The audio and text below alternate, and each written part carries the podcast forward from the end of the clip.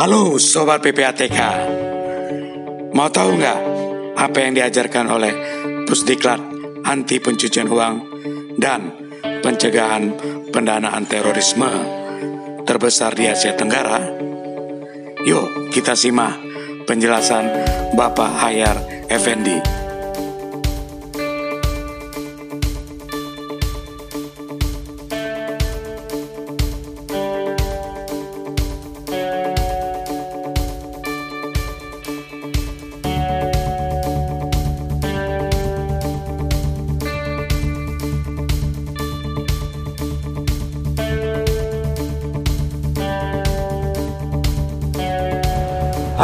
Sobat PPATK Jumpa lagi kita di Jumatan. Jumpa PPATK Pekanan. Bersama saya sudah hadir Bapak Hayar Effendi Kepala Pusat Pendidikan dan Pelatihan Anti Pencucian Uang dan Pendanaan Terorisme Atau lebih disingkat dengan Pusdiklat APU PPT Nah ini Pusdiklat ini sangat istimewa ya. Karena untuk lembaga FIU Financial Intelligence Unit belum banyak yang memiliki pusdiklat semacam ini.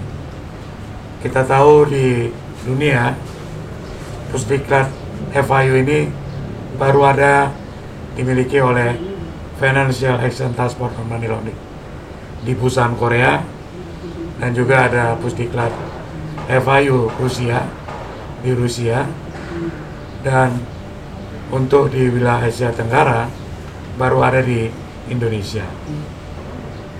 Pak Ayar, ini suatu yang luar biasa Pak Ayar ya. Di Asia Tenggara baru ada pusdikat di Indonesia. Bagaimana Pak Ayar membangun infrastruktur dan suprastruktur dari pusdikat yang ada ini sehingga bisa bertaraf internasional. Ya, terima kasih Bang View atas pertanyaannya. Ini memang sebuah anugerah ya, kalau boleh kita sebut untuk PPATK begitu.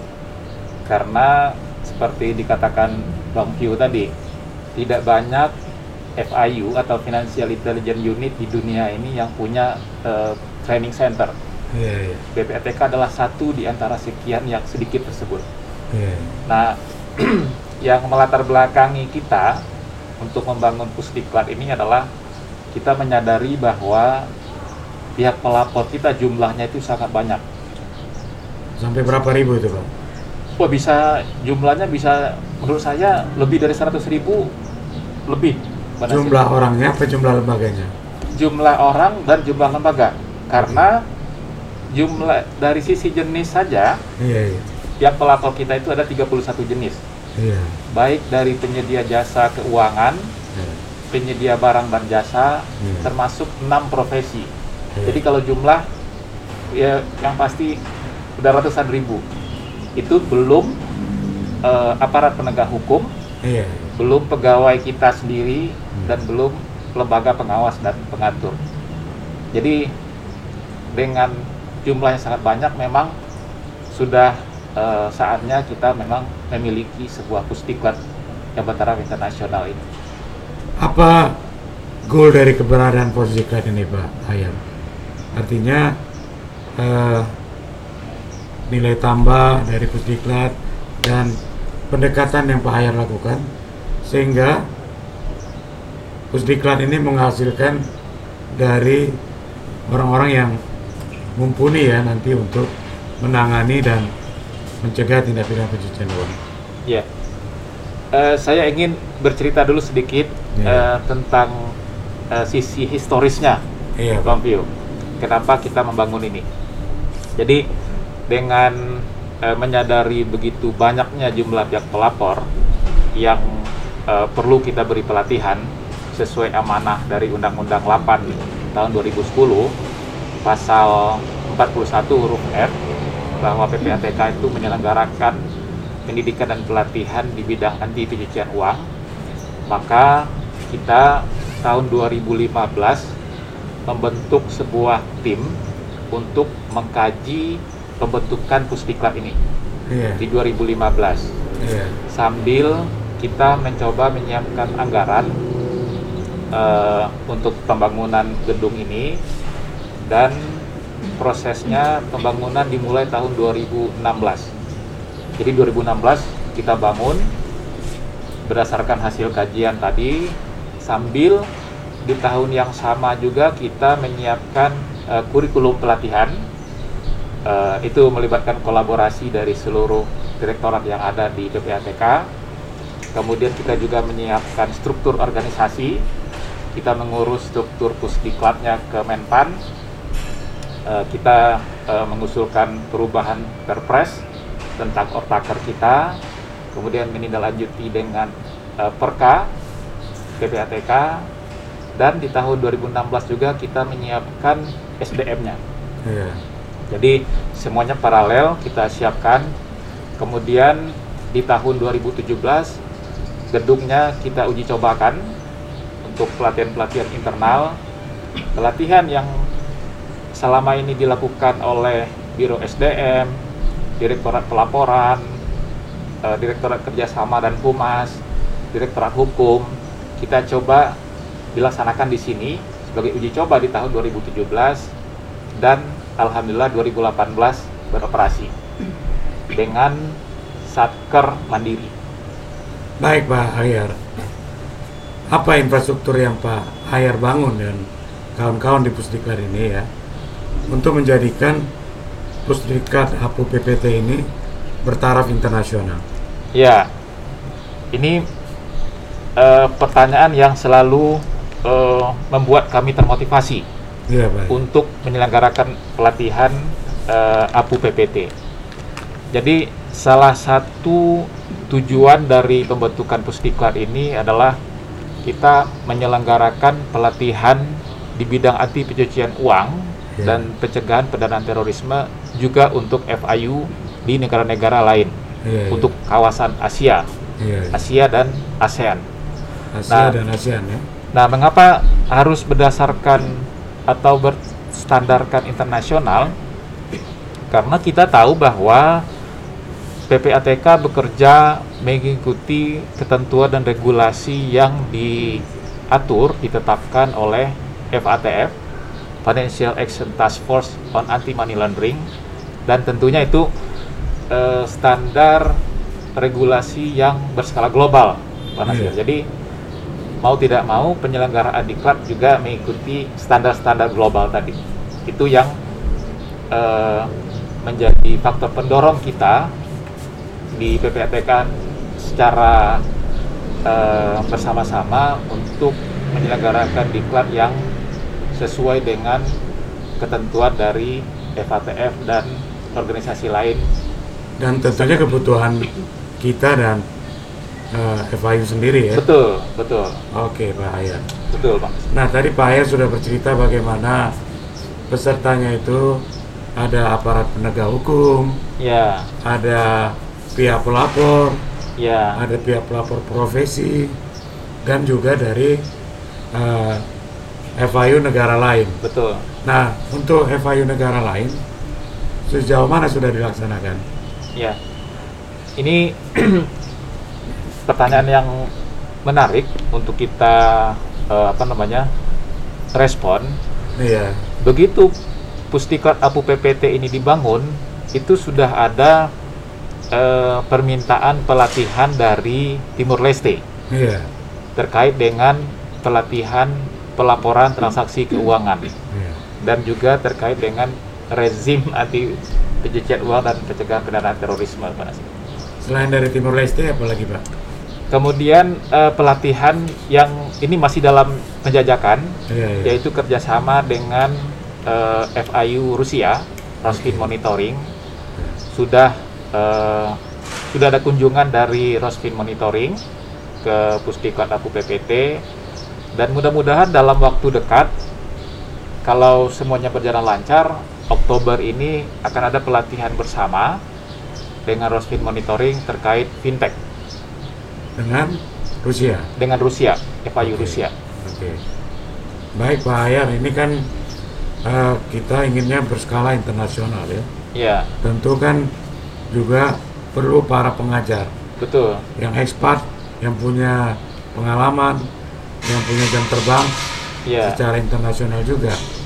Nah sejauh mana persiapan Pak Ayar di dalam menyiapkan tenaga-tenaga pengajar yang yang punya keahlian khusus ya?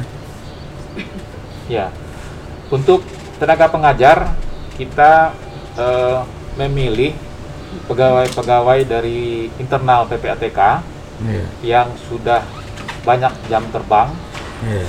Uh, memiliki pengalaman analisis, pengalaman pemeriksa, pengalaman audit, dan uh, pengalaman dalam pengelolaan pelaporan yang juga dilengkapi dari narasumber eksternal dari lembaga pengawas dan pengatur, dari aparat penegak hukum, dan kalangan profesional lainnya, Bang Nasir. Ya, untuk yang skala internasional? Yang untuk skala internasional, tenaga pengajar kita juga berasal dari Austrek. Austrek adalah uh, Financial Intelligence Unit di Australia. Oke. Okay. Menjadi mitra PPATK. Oke, okay, jadi sejauh ini negara-negara lain sudah mengakui nggak keberadaan Puslikat Abu PPT ini? Alhamdulillah. Dan sejauh mana pengakuan itu, Pak? Alhamdulillah, Bang Nasir. Jadi eh, pengakuan yang kita dapatkan iya. dari lembaga-lembaga internasional iya. terhadap Pusdiklat adalah bahwa eh, antusiasme untuk bekerja sama dengan kita di bidang APU PPT, kemudian juga uh, kerjasama pelatihan yang sudah terrealisir dengan Austrek yeah. itu sudah berjalan sejak pertama Pustika ini berdiri. Okay.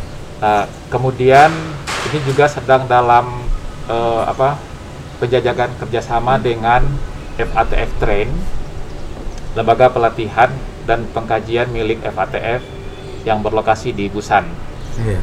Dan kalau saya melihat ke depan, prospeknya cukup dinamis hmm. dan uh, akan banyak kerjasama yang bisa dikembangkan dengan FIU-FIU negara lain, termasuk juga dengan FATF, dengan Ecovel, lembaga pelatihan di bawah uh, Egmont, Egmont Group, hmm. dan juga dengan APG. Jadi okay. uh, kita masih apa namanya kita sangat optimis pelaksanaan pelatihan di bidang PPT akan berjalan dengan sangat dinamis ke depan. Mungkin Pak Ayer biar sobat PPATK tahu persis novel namanya atau yang lain tadi bisa dijelaskan sedikit apa maksudnya itu? Ya, jadi sobat PPTK yang berbahagia dengan adanya Pusdiklat APU PPT ini maka pelatihan di bidang anti pencucian uang dan pencegahan pendanaan terorisme akan menjadi semakin intensif dalam upaya kita secara bersama-sama berkolaborasi untuk mencegah dan memberantas tindak pidana pencucian uang dan pencegahan pendanaan terorisme. Pustikar inilah yang menjadi tempat pelatihan di bidang APU PPT dari seluruh pihak pelapor, aparat penegak hukum, lembaga pengawas dan pengatur, dan juga pegawai internal PPATK sendiri yeah. untuk hmm. Mendalami isu-isu yang terkait dengan pencucian uang dan pencegahan pendanaan terorisme.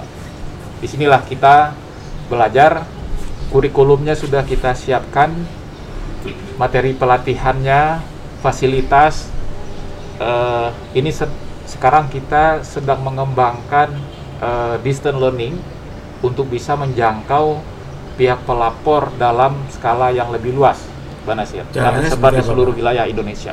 Ya, caranya seperti apa itu? Nah, untuk distance learning kita sedang mengembangkan apa yang disebut dengan Learning Management System, LMS. Ya. LMS itu adalah sebuah uh, platform digital ya. yang berbasis web yang digunakan sebagai uh, media interaksi antara peserta pelatihan, uh, tenaga pengajar, dan juga pengelola dalam satu platform digital tadi. Jadi seluruh informasi pembelajaran, konten pembelajaran, evaluasi pembelajaran, tugas-tugas yang diberikan kepada peserta pelatihan, termasuk juga eh, apa menilai tindak lanjut atau capaian dari pembelajaran itu dalam platform LMS tadi. Jadi itu. pendekatan pelatihan dan pendidikannya virtual begitu ya Pak? Iya. Oke. Okay. Betul. Tapi ini udah jalan atau belum? Sudah jalan. Oke. Okay. Sudah kita lakukan uh, pelatihan jarak jauh. Iya iya. Sejak COVID ini terutama, tapi uh, sementara kami masih menggunakan uh, Moodle, aplikasi Moodle dan juga Google Classroom. Tapi itu sifatnya sebagai uh, perantara untuk sampai terbangunnya LMS Pusdiklat Aku PPT yang permanen. Bayar sejak tahun 2018 tadi Pusdiklat ini beroperasi itu sudah seberapa banyak peserta diklat dan dari mana saja kira-kira itu Pak? Iya. Pada tahun 2018 eh, jumlah peserta pelatihan yang mengikuti pelatihan di sini uh, tercatat 1053 peserta pelatihan. Yeah. Uh, itu mayoritas masih dilakukan secara uh, klasikal yeah. atau tatap muka. Berasal dari pihak pelapor, yeah. aparat penegak hukum, pegawai internal. LPP belum kita masukkan waktu itu, tahun 2018. LPP itu lembaga pengawas pengatur ya? Lembaga pengawas dan pengatur. Apa itu Pak? BI? Uh, itu di antaranya adalah Bank Indonesia, okay. OJK, OJK, Kementerian Hukum dan HAM, yeah. Kementerian uh, Koperasi dan UKM, yeah. kemudian PPATK sendiri, hmm. uh, tentunya. Yang dari LPP ini yang diharapkan ikut pelatihan pihak apanya gitu Pak? Nah, kalau dari LPP yang kita beri uh, prioritas pelatihan hmm. adalah para auditornya Pak. Benar iya, para auditor. Auditor yang melakukan tugas pengawasan terhadap pihak pelapor yang berada di bawah pengawasan dari LPP tersebut. Nah, kalau para peserta pelatihan yang ada di Pusdiklat Cimanggis ini, mereka apa saja yang diberikan seperti akomodasi dan lain-lain gitu?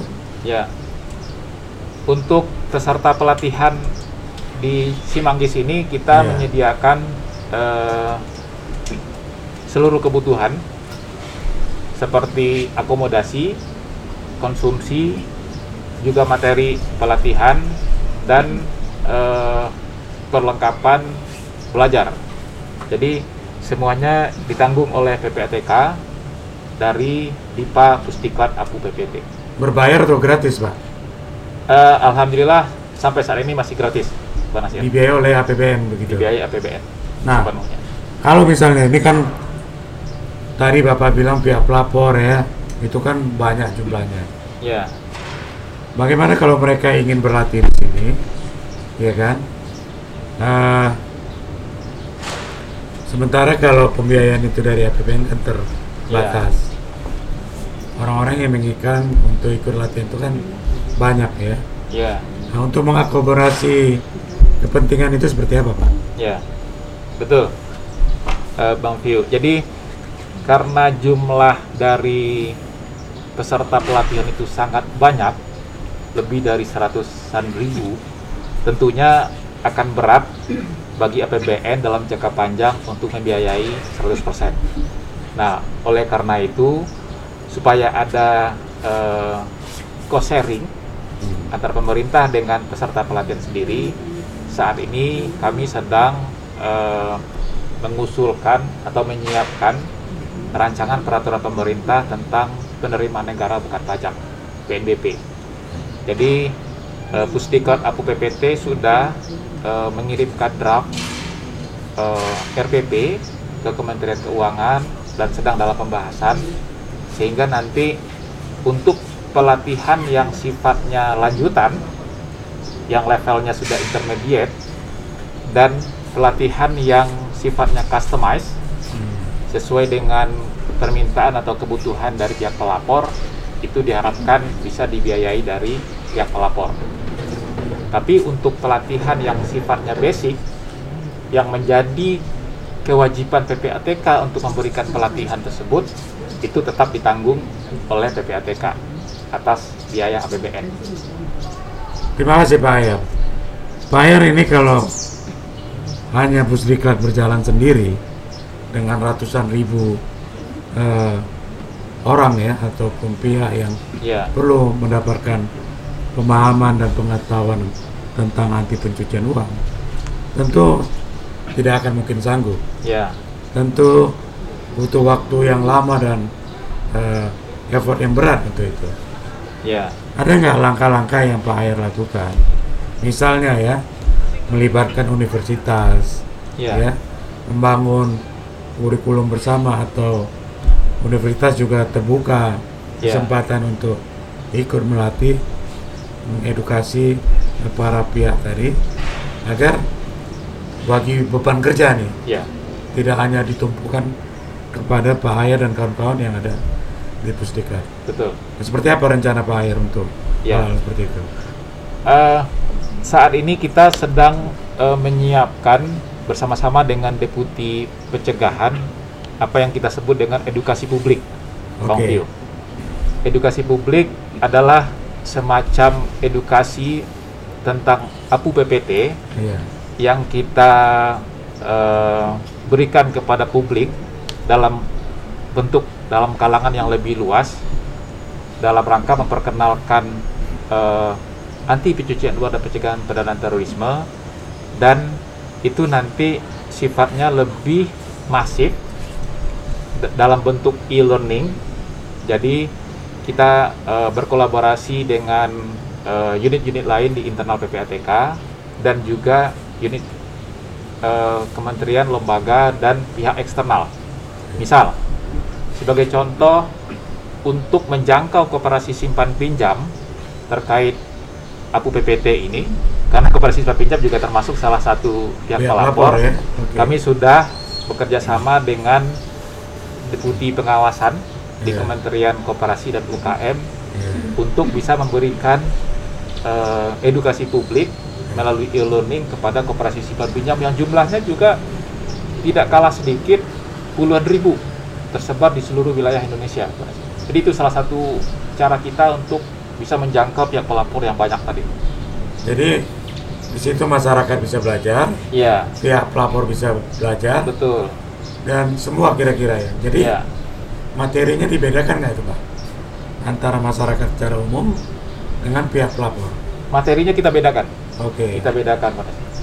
Kalau pihak pelapor lebih banyak kita arahkan pada eh, pengetahuan, keterampilan untuk membantu mereka dalam rangka memenuhi kewajiban pelaporannya kepada PPATK. Nah, kalau untuk e, masyarakat umum seperti e, mahasiswa, e, pelajar, e, ibu rumah tangga dan masyarakat lain, kita memberikan e, pengetahuan yang sifatnya lebih generik tentang APU PPT. Nah, tadi saya sampaikan itu universitas juga cukup strategis ya. Iya. Pak Ayan untuk digalang dalam bekerja sama. Betul. Nah ini apa rencana ke depan Pak Ayan untuk nah, teman-teman dari perguruan tinggi? Ya. Kalau untuk universitas, saya melihat uh, mahasiswa selaku uh, insan akademis yeah. perlu kita uh, berikan pemahaman tentang APU PPT juga.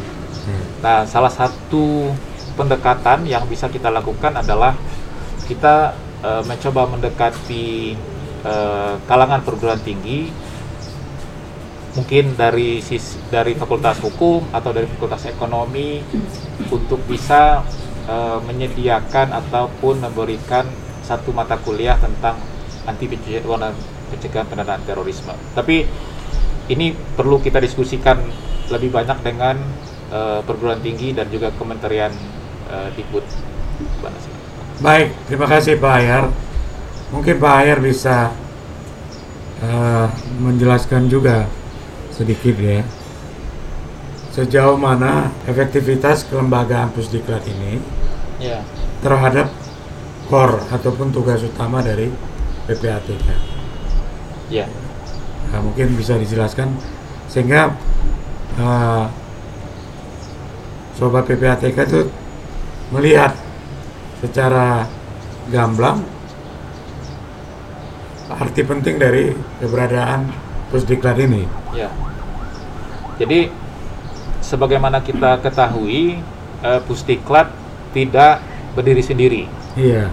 Artinya pusdiklat tidak melakukan pelatihan semata-mata untuk pelatihan.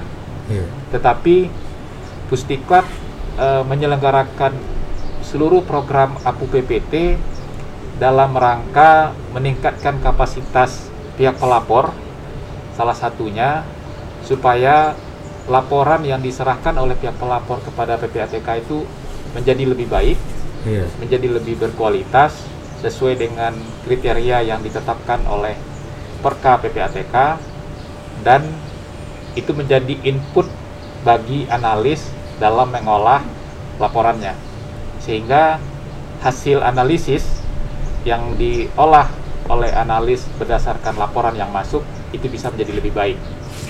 Nah, kalau ini sudah kualitas laporan menjadi lebih baik, kualitas eh, HA juga menjadi lebih baik karena analis lebih mudah melakukan analisis, lebih akurat dan lain-lain.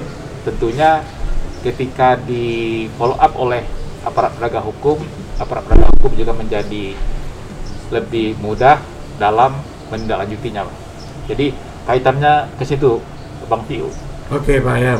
Terakhir Pak Ayar, apa eh, harapan Pak Ayar ya untuk Pusdiklat ini bisa menjadi andalan ya ataupun bisa memenuhi harapan dari PPATK yang ada misalnya di wilayah Asia Tenggara ini keberadaan PPA apa Pusdiklat ini benar-benar menjadi kebutuhan ya yeah. dari para insan financial intelligence unit khususnya yang ada di Asia Tenggara. Iya. Untuk bisa memenuhi harapan uh, stakeholder yeah. yang begitu besar terhadap Pusdiklat ini, saya mengawal seluruh kegiatan di Pusdiklat ini, mulai dari awal yeah. sampai akhir, Bang Nasir. Okay. Karena kebetulan uh, Pusdiklat ini sebagai sebuah uh, satker dan okay. kebetulan saya juga sebagai kuasa pengguna anggaran. Yeah. Jadi seluruh kegiatan pengembangan kurikulum, penyelenggaraan diklat, pengelolaan SDM, pengelolaan anggaran, pengelolaan uh, barang milik negara itu kita kawal secara uh, serius untuk bisa comply dengan seluruh ketentuan peraturan undang-undangan yang ada dan yang lebih penting adalah program diklat selalu dikembangkan mengikuti kebutuhan dan tuntutan serta kondisi yang dinamis. Karena dengan cara itu kita bisa uh, mengupdate program diklat dan memberikan pelatihan kepada peserta pelatihan yang sesuai dengan tuntutan lingkungan. Jadi uh, itu yang kami kembangkan terus menerus di samping memang pengelolaan manajemen internal. Terima kasih Pak Ayar atas sharing informasinya ya. Dan ini cukup mencerahkan buat kita semua, buat sobat PPATK. Jumpa lagi kita di Jumatan. Jumpa PPATK Pekanan. Kalau bersih, kenapa, kenapa harus bersih?